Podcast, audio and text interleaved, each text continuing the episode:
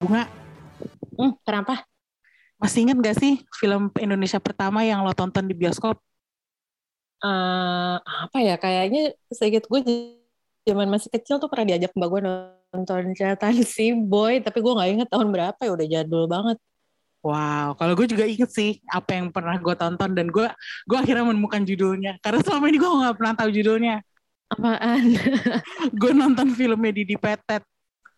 Sepondok Dua Cinta dari tahun 90. Oh my god, ketahuan umur kita deh. Oh my god, iya bener. Aduh tapi gak kerasa banget ya. Udah selama itu loh kita jadi penonton film Indonesia. iya. Box to Box Media Network.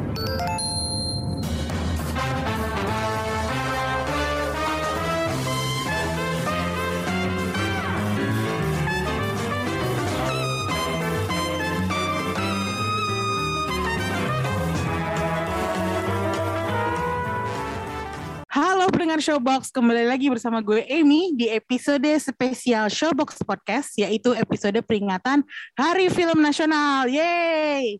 Kalau Hmm. ada yang belum tahu, Hari Film Nasional itu eh, tanggal 30 Maret diresmikan pada tahun 1999 oleh Presiden B.J. Habibie.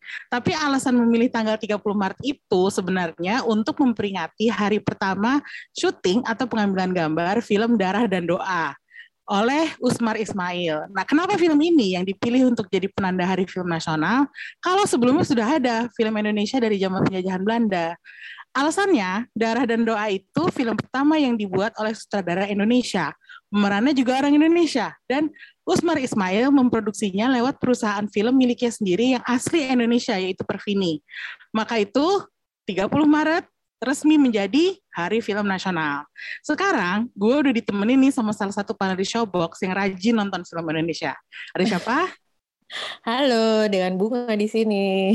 Nah ini dia nih. Eh, Sebenarnya waktu di majalah ya ada reviewer film Indonesia khusus. Cuman karena dia sibuk, jadi eh, gue ribet lah ngubunginnya. Jadi gue seret aja si bunga, ya nggak? Dan eh, pilihan filmnya film-film Indonesia bunga tuh juga lumayan eh, menarik ya. Jadi eh, gue tuh sebenarnya agak kebingungan waktu pertama kali mau milih topik untuk eh, film Indonesia. Terus tiba-tiba si Ulil eh, mengusulkan bahwa gimana kalau dari dekade eh, terakhir aja, jadi 10 tahun terakhir. Gue pikir bagus juga tuh. Jadi karena kalau misalnya kita ngomongin perkembangan film dari 1950, ya kepanjangan lah ya. Banyak Kayaknya- banget. Berapa Kayaknya dua hari dua malam episode-nya? itu dia makanya gue putuskan untuk membahas eh, perkembangan film Indonesia dari awal tahun 2010-an sampai 2022. Em, Satu Karena- dekade terakhir lah ya ya kira-kira ya. betul. Karena menurut gue 10 tahun tuh udah waktu yang lumayan panjang ya untuk ukuran film eh, Indonesia. Perkembangannya banyak banget, Bo. Soalnya kalau Iya, iya. dilihat-lihat ya, Hollywood aja tuh nggak bisa dibangun dalam semalam gitu. Kayak mereka butuh berpuluh-puluh tahun untuk sampai ke statusnya yang sekarang sebagai pusat film dunia gitu. Tapi Indonesia dalam 10 tahun aja perkembangannya tuh udah banyak dan cepet banget gitu. Makanya gue merasa Iya, karena 10 tahun terakhir itu udah rame, ya udah kita bahas 10 tahun terakhir aja. Um, gue nggak ngerti nih sebenarnya pandangan bunga sama sama gue apa enggak. Jadi menurut kacamata lo, bunga, apakah perfilman Indonesia dalam 10 tahun terakhir sudah berkembang pesat atau belum? Jelas. Kalau menurut gue sih eh dalam 10 kayak yang lo bilang tadi dalam 10 tahun terakhir ini perkembangannya pesat sekali ya. Itu ada kalau misalnya mau dijabarin mungkin ada beberapa hal yang bisa eh kita bahas gitu itu kelihatan banget perkembangannya. Yang pertama menurut gue em, kita bisa lihat jumlah bioskop sekarang bertambah. Kalau Oh, iya. dulu mungkin tadi kayak cuma ada satu chain doang itu kan. Sekarang udah mulai ada yang lain-lain kan. Mm-mm. Dan Studio- eh, independen juga di Iya, daerah-daerah ya. Di daerah-daerah juga ada apa bioskop-bioskop independen. Studionya juga ya bisa dibilang makin banyak lah ya. Jadi kesempatan nonton juga semakin luas gitu loh sekarang.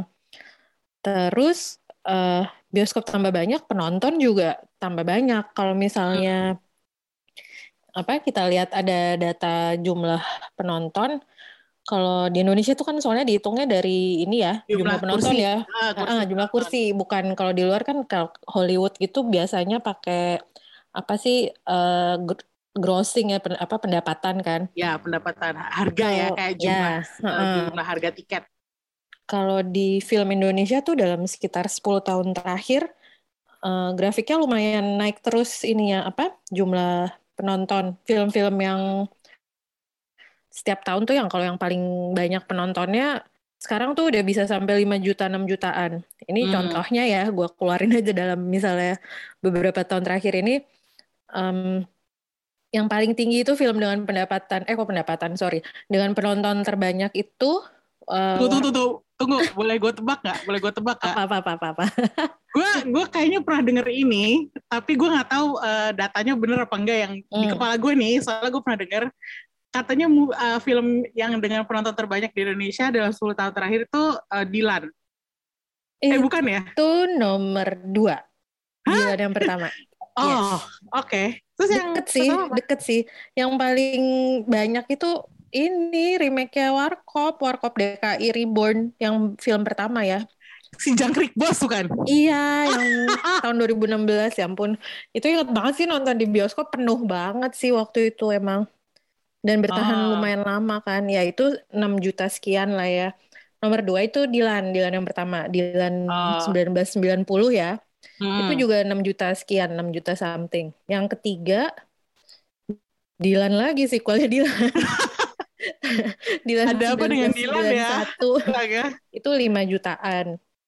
Jadi bisa dibilang itu eh, lumayan prestasi lah ya penontonnya bisa sampai sebegitu banyaknya gitu. Jadi eh, kelihatan antusiasme apa sih penonton untuk nonton film lokal tuh juga udah udah lumayan bagus gitu kan. Padahal ini ju- si Warkop kan remake ya. Mm-mm. Terus eh, masih populer aja gitu meskipun dengan pemain baru yang sama sekali kalau menurut gue ya nggak mirip sama eh, Warkop aslinya gitu. Iya sih. gitu ya. Kalau kalau sepintas gitu ya lu lihat aktor-aktornya sih dulu juga kayak nggak nggak percaya kan ah masa ini jadi Dono, jadi Kasino, jadi Indro gitu kayak beda banget ya. Cuman cuman pas nonton ya agak-agak ini sih gaya-gaya joke-joke kayak gitu ya. Hmm. Terus ng- nggak ngerti mungkin main nostalgia juga kali ya. oh iya benar sih. Macam semacam itu. Soalnya terus juga kalau misalnya kita mau ngomongin ininya ya apa namanya? kayak eh, dilihat polanya tuh dalam eh, misalnya setiap tahun kita lihat kayak 10 film teratasnya itu rata-rata eh, yang selalu ada itu pasti kayak film-film adaptasi entah dari novel yang udah populer atau kayak si Warkop gitu kan eh, dia bisa dibilang semacam adaptasi juga ya dari sesuatu yang udah populer Iya, sebelumnya kan ah, ya. Betul betul. Ah, itu terus ya itu kan Dilan tadi misalnya kan. Itu kan juga adaptasi novelnya udah banyak banget fansnya. Itu tuh selalu ada film-film adaptasi semacam itu sama film horor. Jadi Oh, horor-horor yang tiap tahun tuh pasti ada aja bah. Bahkan kadang-kadang yang kita nggak pernah denger gitu ya, cuman ternyata oh penontonnya banyak. Orang Indonesia emang masih demen banget sih Iya sama sih. yang mistik Iya sih. gitu ya. Jadi kali kan kadang-kadang kalau iseng ke bioskop eh nonton apa ya ini aja nih yang horor gitu kayak kan dibanding Tapi yang maksudnya filmmaker gitu misalnya. filmmaker kelas atasnya Indonesia juga masih bikin uh, film horor sih. Contohnya kayak Joko Anwar gitu deh. Ya. Gitu. Ya kan terakhir iya, bikin iya. apa? Perempuan Tanah Jah- Jahanam ya Mm-mm. untuk horornya dan itu kayak lumayan rame gitu nggak sih? Kayak ya Iya, udah emang rame. Emang emang pasarnya ada gitu. Jadi ya dibikin terus lah ya. Iya. Kayaknya nggak akan mati sih genre horor di penonton Indonesia. Emang Iya sih. kayak gitu. Iya sih, kayak ya udahlah terima aja gitu. Maksudnya kan di di berbagai negara kan juga horor tuh salah satu genre yang populer. Contohnya kayak di Thailand gitu kan, kayak Nah, iya di iya. Thailand, iya. sinema Thailand terkenal untuk horornya meskipun kadang horornya Thailand tuh khas banget gitu. Kadang dicampur komedi gitu. Jadi tingkat keseramannya mungkin kurang pol gitu. Tapi kalau misalnya orang Indonesia tuh kayak soalnya gue sering banget denger orang ngomong hantunya Indonesia lebih serem. Hantunya Indonesia paling serem gitu. Ya ya ya bener juga sih gue Ya nggak. soalnya hantunya deket gitu kan dalam negeri kesannya kayak Iya film horor Indonesia itu selalu lebih serem dari horor let's say Hollywood karena kayak kalau Hollywood tuh ininya jauh gitu ya Ya, hantu-hantunya gitu kalau ini kan kayak mm, langsung kebayang udah aja ngomongin horor gue takut Maksudnya kita orang yang cemen tapi sosok ngomongin horor gitu. Eh, tapi nggak berani gitu-gitu deh kan tadi lo udah nyebutin ya uh, berbagai macam apa ya uh, tren di perfilman Indonesia yang bikin perkembangannya tuh makin maju gitu. Tapi sayangnya kan dalam uh, 10 tahun terakhir ini ada dua tahun di mana kita mengalami masa pandemi. Itu ngaruh nggak sih menurut lo? Kayak signifikan Aduh. apa enggak gitu? itu ngaruh banget menurut gue sih pasti seluruh dunia dun, eh, apa eh, industri film di seluruh dunia kena banget ya imbasnya tapi ya Hmm. di Indonesia juga jelas gitu dan sebenarnya agak apa ya ya bukan agak sih sedih banget kan lagi nanjak gitu lagi kayak banyak banget film menarik cuman terus tiba-tiba harus berhenti sama sekali karena sama PPKM kan bioskop pada tutup ya habis serem juga lah ya nonton di Iya. apa tempat tertutup selama dua jam gitu kan cuman Heeh. ya imbasnya pasti ada kan ya beberapa film mungkin eh, jadwal rilisnya mau nggak mau jadi ketunda Hmm. Produksinya juga lah ya. Juga, iyalah ya pasti makanya jadi kayak berhenti gitu sayang sih lagi nanjak terus atau kayak langsung anjlok gitu cuman ya dari akhir tahun lalu lah ya. Kan mulai dibuka lagi ya bioskop ya. Hmm. itu udah inilah udah Lumayanan mulai lumayanan lah. Udah mulai ada geliatnya lagi kalau dilihat-lihat gitu. Dan sampai sekarang juga sampai tahun ini udah maksudnya udah mulai banyak film lokal yang dirilis lagi. Tapi kan Dan- kita sekarang punya banyak OTT eh, bunga. Jadi kalau misalnya film nggak tayang di bioskop, bukankah bisa dialihkan ke OTT gitu? bisa sih ada beberapa yang kayak gitu ya kayaknya ya Hmm. sebenarnya apa film-film main di OTT itu bisa dibilang apa ya kalau menurut gue itu termasuk uh, semacam blessing in disguise ya uh, pandemi ya bukannya ini ya cuman maksudnya uh, dengan diputar di OTT itu sebenarnya jadi lebih banyak yang bisa mengakses kan Hmm. yang misalnya tadinya bioskopnya eh nggak ada di kotanya atau gimana gitu atau nggak nggak punya waktu buat nonton misalnya kan sekarang jadi bisa nonton di rumah macam-macam Hmm. juga sih udah gitu juga ya sebenarnya kan lebih murah ya kalau nonton apa nonton di OTT. online platform gitu heeh. Ah, iya. relatif lebih murah gitu cuman Karena sekali bayar Ah. langganan bukan per film aja gitu kan. ya, iya walaupun ada ya ini platform Oh yang iya iya iya. ya ya cuman emang experience-nya beda sih pasti Iya sih. kayak kalau lo lagi kangen-kangennya nonton bioskop, nonton di OTT tuh kayak rasanya ya segini doang. Gitu. Iya, makanya. Terus belum lagi kan kalau filmnya yang seru-seru gitu kan enakan nonton rame-rame kan. Hmm, betul betul. Jadi ya ada positif negatifnya lah, walaupun banyak negatif ya. cuman, cuman ada di OTT itu juga eh, dan ini sih yang misalnya tadinya rilis di bioskop pun gitu selama masa pandemi ini cuman eh, akhirnya masuk ke OTT-nya lumayan cepet gitu kan. Jadi kalau kemarin nggak kekejar Hmm. nonton, kita bisa nonton di ini di OTT. Hmm, ya benar juga sih. Em, Oke, itu ada tadi sekilas eh, perkembangan eh, apa ya perkembangan film Indonesia selama 10 tahun terakhir. Nah, Hmm. ini pertanyaannya lebih spesifik lagi dan eh, kayaknya hanya orang-orang yang benar-benar merhatiin perfilman Indonesia yang bisa jawab deh. Gue pengen tahu, menurut lo Apa nih? momen momen paling mencengangkan atau membanggakan atau mengharukan dalam perfilman Indonesia selama satu dekade terakhir itu apa? Coba lo dulu deh. Menurut lo apa? Oke, contohnya ya, contohnya nih kayak gini nih, kayak buat gua salah satu momen paling membanggakan adalah rilisnya The Raid. Kalau Ah, buat gue iya, benar, ini benar, benar. bisa dianggap sebagai salah satu momen yang paling wow di sinema Iya. Indonesia. Karena sejak The Raid rilis, tiba-tiba semua orang di dunia ini jadi tahu Indonesia. Iya, yang namanya 2012 ya itu ya. Ya betul, yang namanya Silat, Iya. yang namanya Yayan Ruhian, Iko Uwais, Joe Taslim. Dua yang terakhir itu malah bisa dapat peran di film-film produksi Hollywood. Meskipun eh, Joe masih pakai topeng lah di Star Trek. Terus eh, Iko juga mungkin filmnya belum yang A, A, A kelas A banget gitu. Hmm, Tapi udah ada gitu loh. Terus eh, Iya kayak sih. apa orang jadi jadi ngebandingin gitu kan kayak Dan jadi apa ya? tahu film Indonesia ternyata Iya. bisa keren juga gitu. Iya betul dan Gitu ya. kayak apa sih gini ya kayak The Raid itu gue tahu banyak orang memperdebatkan apakah itu film Indonesia atau bukan. Tapi buat gue Film Indonesia dong. gue gue gak peduli. Lu mau ngomong film film The Raid itu adalah bukan film Indonesia karena sutradaranya orang asing. Tapi buat gue The Raid itu tetap film Indonesia karena aktor, kru, stunt, produser, PH semua Indonesia gitu kan. Jadi buat gue itu film Indonesia dan bahasanya pun pakai bahasa Indonesia gitu. Jadi martial arts-nya juga khas Indonesia kok. Iya silat gitu kan. Jadi gue tuh kayak merasa eh, sekarang hampir semua film action yang dirilis setelah 2012 itu harus dibandingin sama The Raid. Iya Kayak ya, benar. Itu game changer banget sih. Iya game itu. changer banget kan. Terus sampai Keanu Reeves sengaja nge-casting Kang Yayan sama Kang Cecep bukan sekedar cameo tapi dapat screen time yang lumayan panjang dan ending karakter Itu mereka keren banget sih. dibuat terbuka gitu kan. Jadi ada Iya. kesemu- kemungkinan dia balik lagi gitu. John Wick ngomong bahasa Indonesia dong. iya itu dia kan. Gila gue kayak gue hampir nggak percaya pendengaran gue. Keren banget. Keanu Reeves ngomong pakai bahasa Indonesia.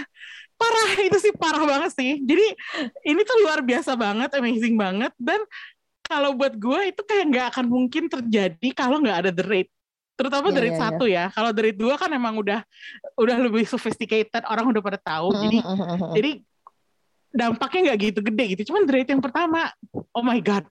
Gitu loh. sih. Dan itu buat gue bangga banget sebagai orang Indonesia gitu loh. Iya sih. Gitu. Itu titik sejarah banget itu Raid iya banget, banget. Gitu. Terus Gila. kalau buat lo apa? Ada nggak momen yang menurut lo so wow itu juga gitu? Aduh, itu by the way ngomongin The Raid kayak tahun 2012, udah 10 tahun lalu ya gila. Oh my god, eh seru kali ya kalau kita bikin uh, The Raid uh, 10th anniversary.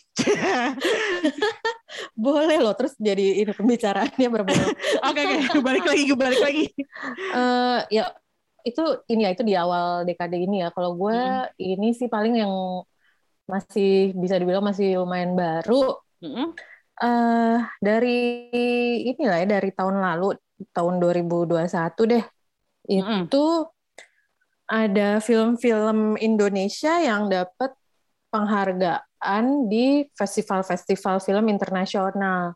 Oh, Jadi eh, kalau lo pada ngikutin berita juga pasti udah tahu sih itu kayak em, filmnya Edwin yang dari apa namanya adaptasi novel si seperti dendam rindu harus dibayar Hmm. tuntas alias eh, Vengeance is mine, all others pay cash. Keren banget judulnya. itu itu menang eh, Golden Leopard di Locarno Film Festival.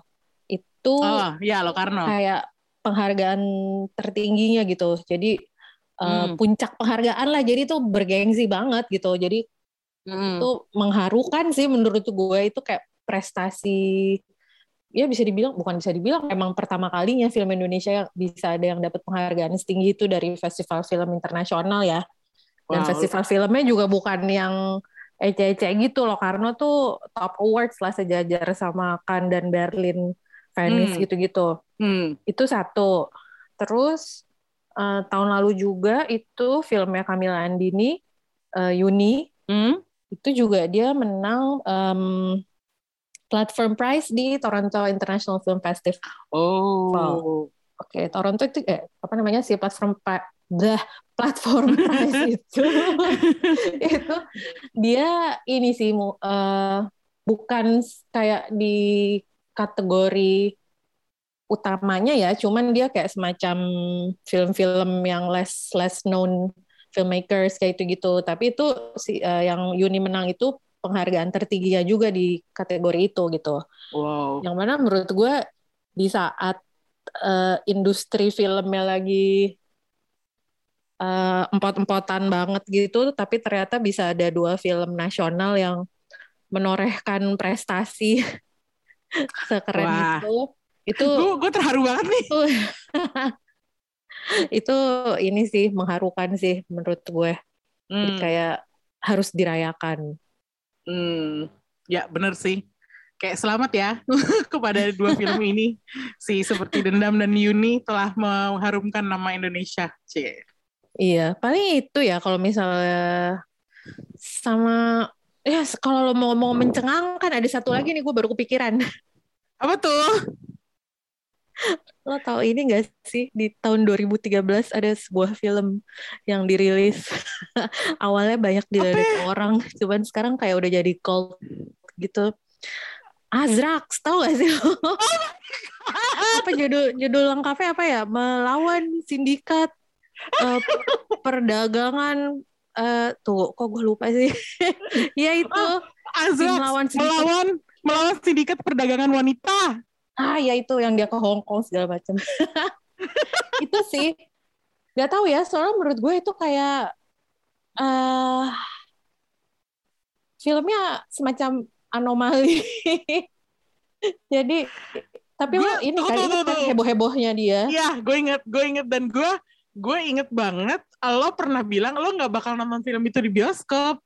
Gue diseret bos sama pacar gue dulu. Tadi nggak mau tadi gue yang kayak apa sih nggak mau oh pokoknya nggak mau ngapain gitu kayak. Tapi terus ya itu ternyata pas gue nonton gue ngakak-ngakak sampai nungging di kursi bioskop.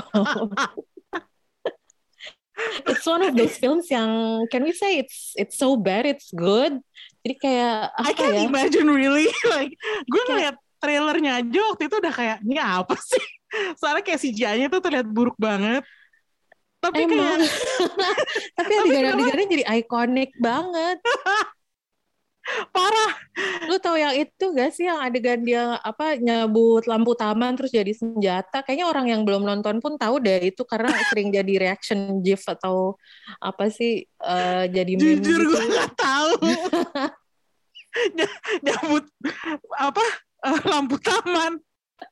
Astaga. you have to you have to ini cari abis ini ya. Lo eh, harus gimana mau nonton ya orang? Kayak bukan orangnya di penjara ya orangnya udah meninggal oh udah meninggal ya Allah ya abis itu abis itu abis filmnya iya sih dia sempat di penjara jadi sebenarnya kayak nggak ngerti nih uh, banyak orang yang uh, menanti nantikan ada rilisan fisik atau mungkin di ditaruh di OTT mana gitu kan cuman sampai sekarang kayak masih misterius gitu kayaknya Gak ngerti. Master filmnya aja nggak tahu ke mana ya? Gak tahu. Padahal padahal sekarang tuh kayak ya gitu kan kayak ya kayak film cult sih. Mungkin pas baru keluar tuh nggak terlalu banyak yang nonton atau gimana, tapi word of mouth-nya berkembang terus oh, terus malah jadi iya, kayak iya, ngerti, ngerti, ngerti. Dan dulu pun itu sebenarnya dia sempat rilis terus udah hilang cuman karena ini by popular demand jadi main lagi di bioskop kayak ada kok film lain yang kayak begitu Iya makanya. Bayangin dua kali gitu. Iya, gara-gara rame di Twitter deh kalau nggak salah. Astaga. Pokoknya di sosial media tuh kayak ya gitu. Awal-awalnya kan orang kayak ngeledek kayak jelek banget ininya. Cuman ternyata apa ya, very entertaining. gue yakin abis podcast ini keluar kayaknya orang nggak ada yang meduliin film-film lain cuman Azrax doang yang diinget gila rilis Azrax ya Iya buset. Hashtag Twitter. Kembalikan Azrax ke bioskop. Aduh udah Azrax mulu. Gue mau nanya lain yang lain aja deh. Kayak gini deh. Kayak ada lu punya gak sih film favorit favorit banget selama 10 tahun terakhir dari 2012 sampai 2022? Bukan Azrax ya, maksudnya kayak kalau Azrax kan lo bilang kan kayak itu kayak ya mencengangkan gitu, tapi gue yakin itu bukan favorit lo gitu. Hmm, ada sih. Gue uh, ya ini recent ya sebenarnya lagi-lagi hmm. uh, yang tadi udah disebut juga film favorit gue dalam 10 tahun terakhir ini kayaknya I'll have to say Yuni. Yunia Kamilandini. Oh, baru keluar langsung Karena jadi favorit. Itu gue nangis sih pas nonton itu. Dan lo orangnya susah nangis kan kalau nonton film? Ya nggak iya. sih? iya jadi kayak gue juga nggak nyangka bisa sampai nangis jadi tapi itu on apa ya an emotional level tuh ternyata bisa segitu menggugahnya gitu ya buat gue. Um, ditambah juga uh, actingnya bagus musiknya bagus. Aduh inilah pokoknya cakep banget film ya. Jadi uh, sayang sih kayaknya banyak orang-orang yang gue kenal yang nggak sempet nonton kemarin hmm, kan ya hmm, semoga hmm. nanti juga akan bisa dirilis di OTT ya ke depannya ya. Hmm. Uh, gue juga belum nonton by the way. ya pokoknya itu favorit gue tuh satu. Terus ada ya kalau bisa ditambahin honorable mentions ya dalam 10 tahun terakhir ini gue suka banget Tabula Rasa. Oh, Nonton gak lo? makanan Padang. Yes. Hmm. Film itu gue padahal nggak suka makanan Padang. Ya, ma- macam apa nggak suka makanan Padang? Padahal gue ada darah Padang ya. Parah. Tapi gue nonton nonton itu gue lapar. Oke. kayak kayak eh, portrayal pas masak-masaknya makanannya itu kayak ini banget sih eh menggugah Lezat selera gitu. banget lezat bener kayak cakep tapi di luar itu juga gue suka banget ceritanya sederhana tapi eh apa ya unik lah kayak Hmm. nggak pasaran gitu film eh, kok film ceritanya Hmm. Musiknya juga bagus warnanya cakep banget Hmm. sama satu lagi yang gue juga suka waktu itu kayaknya sampai dua kali nonton di bioskop eh, filmnya Lucky Kuswandi Selamat Pagi Malam. Oh, oke. You remember that one? Ya, aku ingat dan eh, sayangnya juga nggak sempat nonton. Mm. Tapi gue inget kayak review lo tuh waktu di majalah kayak lumayan berbunga-bunga deh. Ya ya. gue suka sih soalnya itu kayak nunjukin Jakarta di malam hari yang portrayalnya tuh ya jujur gitu menurut gue kayak Hmm. kena banget sebagai orang Jakarta yang punya love hate relationship dengan kota ini kayak Hmm, gue suka betul. banget aja. Kalau lo apa? Eh, kalau gue apa ya? Oh, eh, sebenarnya gue tadinya pengen milih Lovely Man, tapi di berbagai tempat kok ditulisnya dia film 2011 ya. Jadi gue nggak yakin. Jadi Jadi bisa lah deket lah. ya Lovely Man honorable mention aja deh. Maksudnya itu pertama kalinya gue nonton film tentang trans, eh, kehidupan trans, eh, baik transgender maupun transvestite. Pokoknya tema trans apa pun itu film pertama yang gue tonton bener-bener eh, bukan hanya ngelihat trailer atau cuplikan atau baca review doang. Itu emang bener-bener film pertama tentang trans yang bikin gue berkesan gitu. Eh, dan Doni Damara keren banget di situ emang. Tapi Ya, ya, ya. karena gue harus definitif kan kayak film favorit gue di eh, dekade terakhir itu eh, harus yang di tengah-tengah gitu biar nggak ada keraguan dari timelinenya gitu. Jadi Hmm, gue hmm, hmm. Gue pilihnya Tiga Sri Kandi sih film tentang ah ya, ya, atlet ya, ya, Indonesia yang panahan di Olimpiade. ya. Ah, ah, ah. Dan ini tuh ka- kalau menurut gue ya film olahraga tuh memang banyak yang bagus dan selalu inspirasional. Tapi kebanyakan dari film-film itu adalah oh di Indonesia terutama itu bola atau bulu tangkis. Iya, karena itu yang populer di sini Iya. sport kan. Nah, Tiga Sri Kandi kan tentang panahan olahraga Mm. yang kadang tuh orang kalau ada siarannya di Olimpiade juga nggak nyari Jarang. itu gitu. Ya Gitu. seru sih. iya, tapi di Tiga Sri Kandi olahraganya itu dikemas dengan cara yang menarik dan Hmm. terutama chemistry-nya Tiga Sri Kandi yang main di film itu eh, Chelsea Islan, Tara Basro sama BCL itu kuat banget dan manis banget. Gue seneng aja Iya ngeliatnya. sih, fun banget sih kan? nonton mereka bertiga ya ya. ya. Iya, terus udah gitu sama Reza Rahadian kan yang gue nggak tahu gimana itu berempat tuh emang klop banget kalau di layar pas tiga Sri Kandi itu dan ada satu Hmm. adegan yang selalu bikin gue ketawa ngakak sampai bisa nangis gak peduli kapan pun gue nonton film itu gitu jadi maksudnya bahkan lihat cuplikannya aja tuh gue tuh bisa kayak apa ya bisa kayak nangis sampai jungkal-jungkal gitu loh kayak Let tau me guess, let me guess. Iya. Adegannya ya yang mana yang diangkot ya pasti ya. Iya betul banget Itu lucu banget ya Allah Gue tuh kayak Setiap kali nonton adegan itu Gue kayak ngakak sih pas itu. Gue kayak lupa Gue udah pernah nonton itu gitu loh Jadi kayak setiap Tetap lucu ya. tetap lucu Dan tetap fresh Dan tau ekspresinya Reza Radian di situ tuh kayak Aduh parah banget kan Itu gue rasa berkat chemistry pemain-pemainnya sih ya. Iya dan Jadinya the comedy works really well Iya. gitu.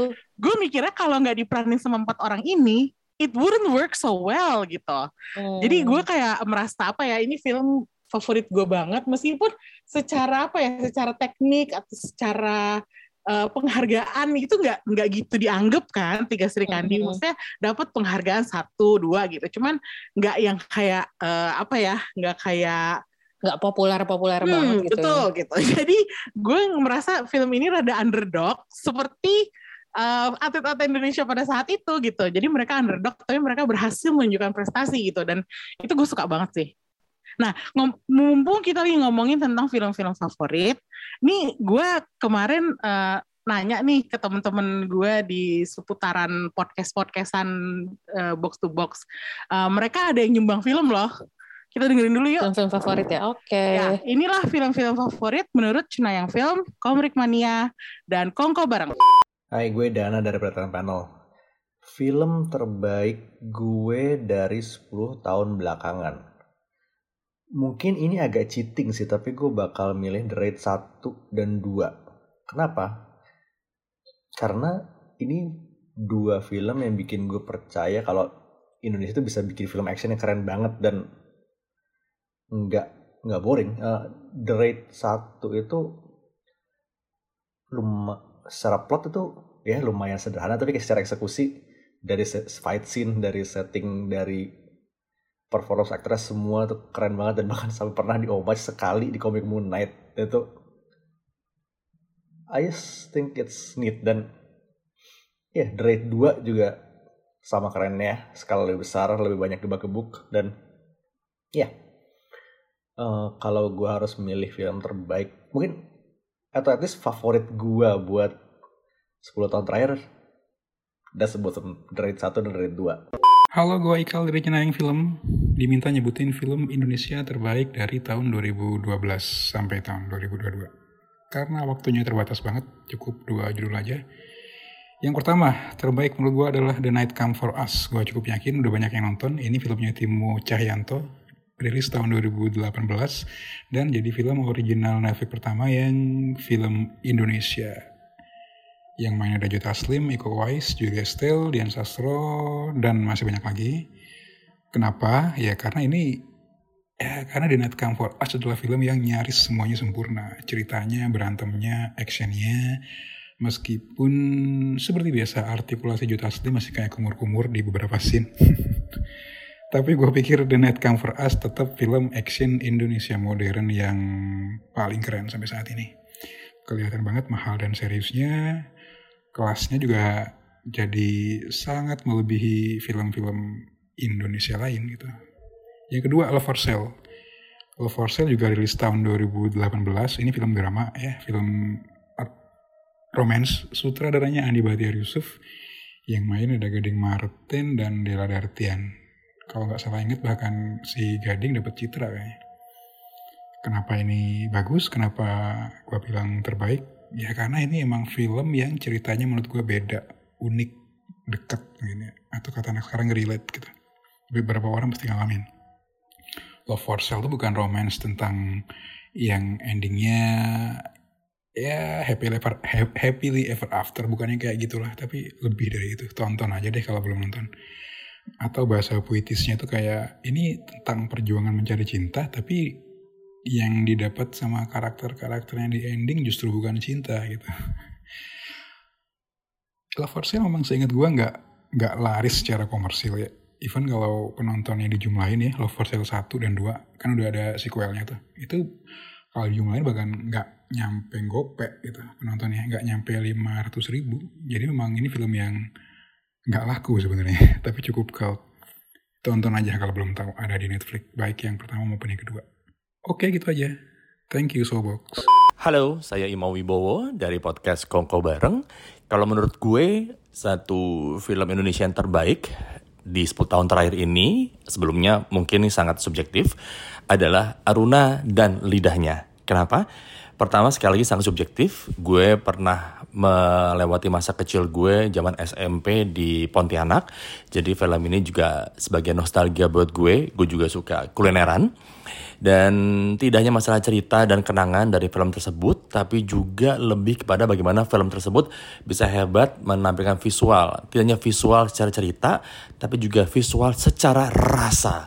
Bagaimana lo bisa menikmati film tersebut tidak hanya secara kenikmatan audio, kemudian kenikmatan dari para pemerannya dan juga cerita yang dijalankan, tapi juga bagaimana menampilkan sebuah visual yang bikin lo malah pulang-pulang, malah lo ngiler, ngeces uh, melihat cara masaknya, makanan-makanan ditampilkan itu sangat menggiurkan, apalagi lo nontonnya di layar lebar.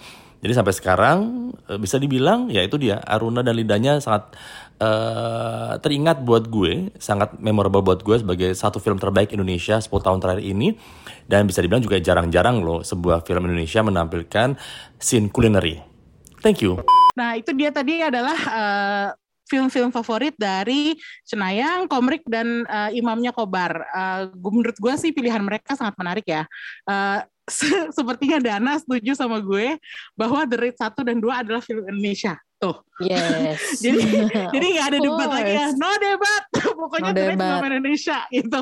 Terus udah itu, nah ini juga yang yang gue apa ya, yang gue perhatiin sejak The Raid keluar, film-film action Indonesia jadi lebih banyak dan iya maksud gue film-film action yang yang uh, berkelas yang ultra violent iya ultra violent tapi tertata rapi gitu yeah, loh yeah, kayak yeah, The Night yeah. Comes for Us terus bahkan mm. Sampai yang sekarang-sekarang tuh kayak Wiro Sableng sama Gundala tuh udah kayak gimana ya sophisticated banget gitu loh. Koreografi mm. fightingnya iya sih. ceritanya gitu loh, aktingnya itu udah kayak bukan uh, B movie lagi, jadi kayak udah A movie action gitu.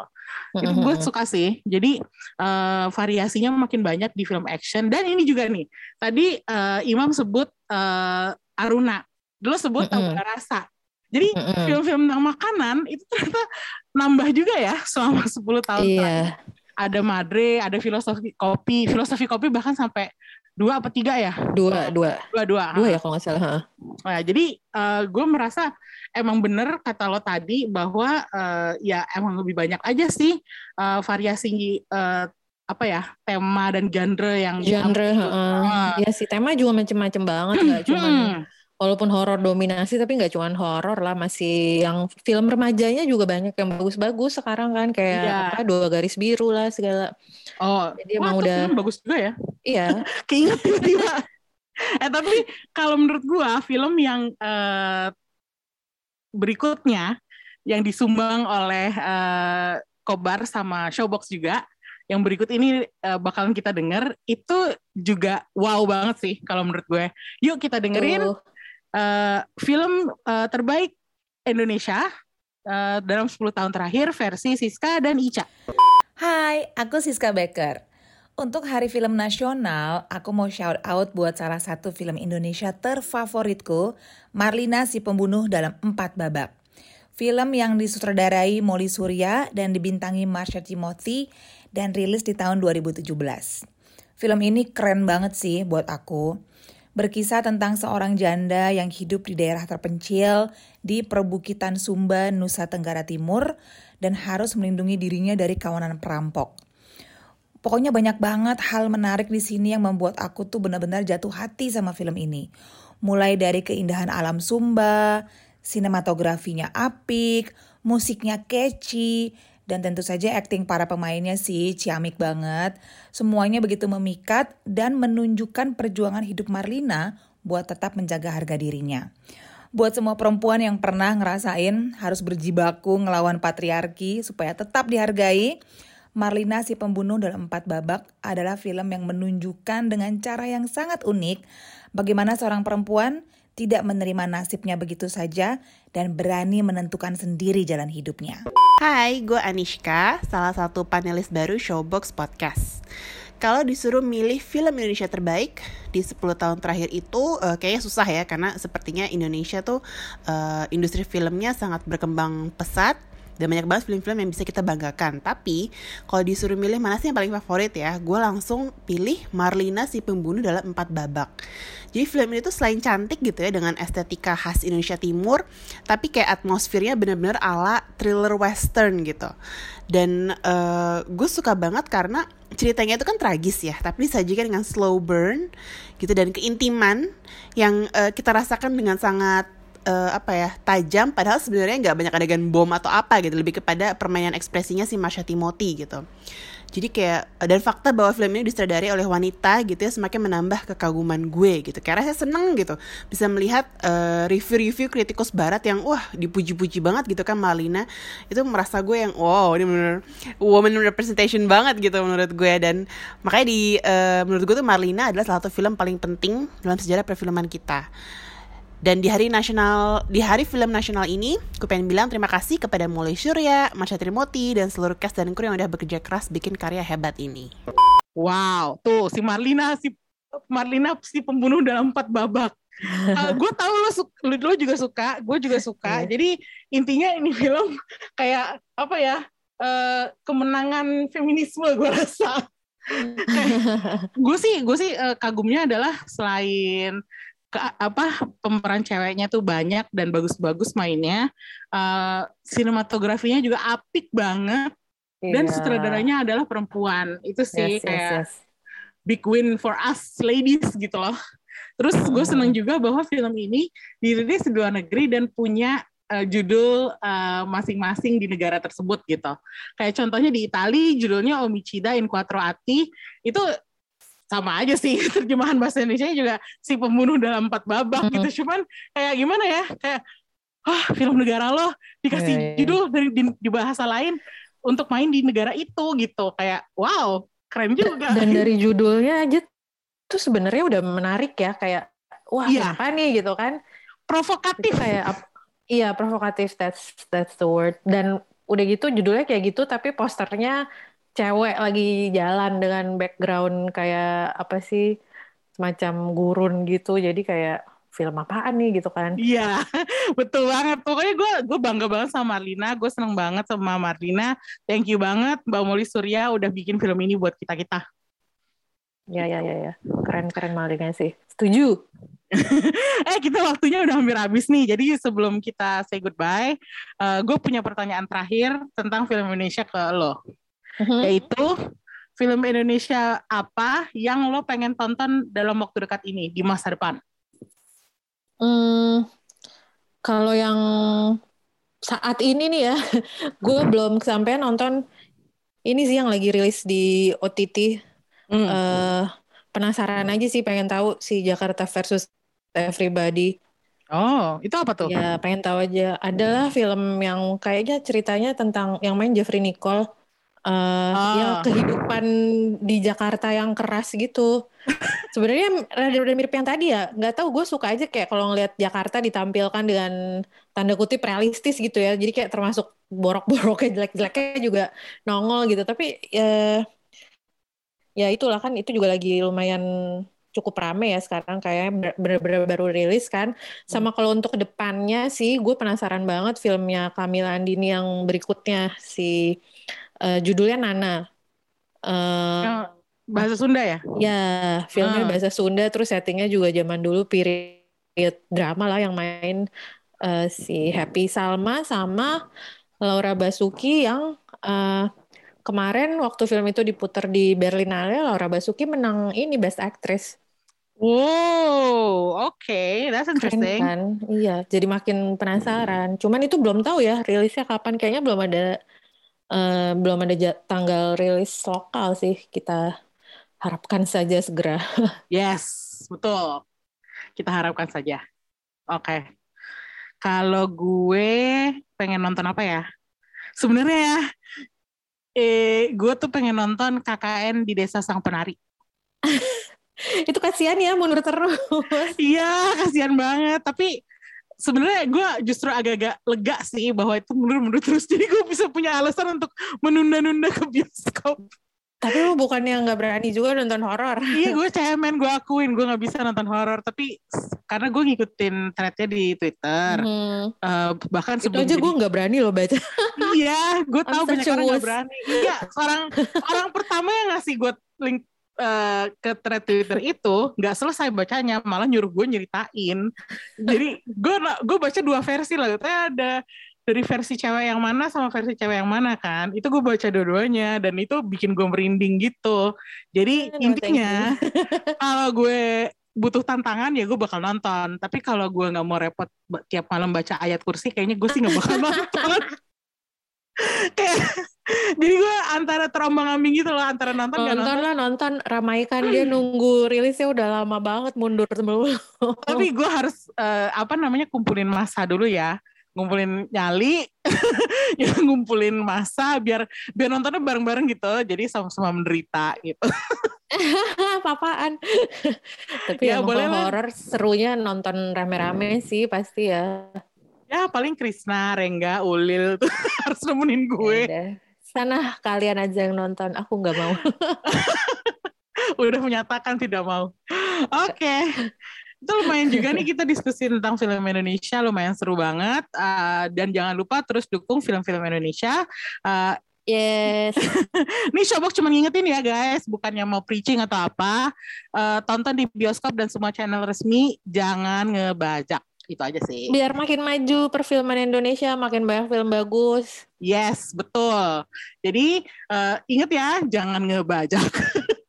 Oke, Ya, udah segitu intinya aja. intinya jangan jangan gue mau nambahin intinya jangan bilang film Indonesia gitu-gitu aja banyak orang yang kayak bilang film Indonesia nggak menarik atau apa padahal sebenarnya jarang nonton film Indonesia nah sekarang Hmm. dicobalah makin banyak Ya. kok film Indonesia yang bagus yang keren nonton dulu baru abis itu lihat Kalau lo males ke bioskop, itu di OTT sekarang semua bertebaran banyak ya film iya, Indonesia. banyak Jadi yang bagus ah nggak ada alasan lagi bilang nggak bisa nonton film Indonesia karena nggak ada di bioskop gitu. Ya di OTT lah.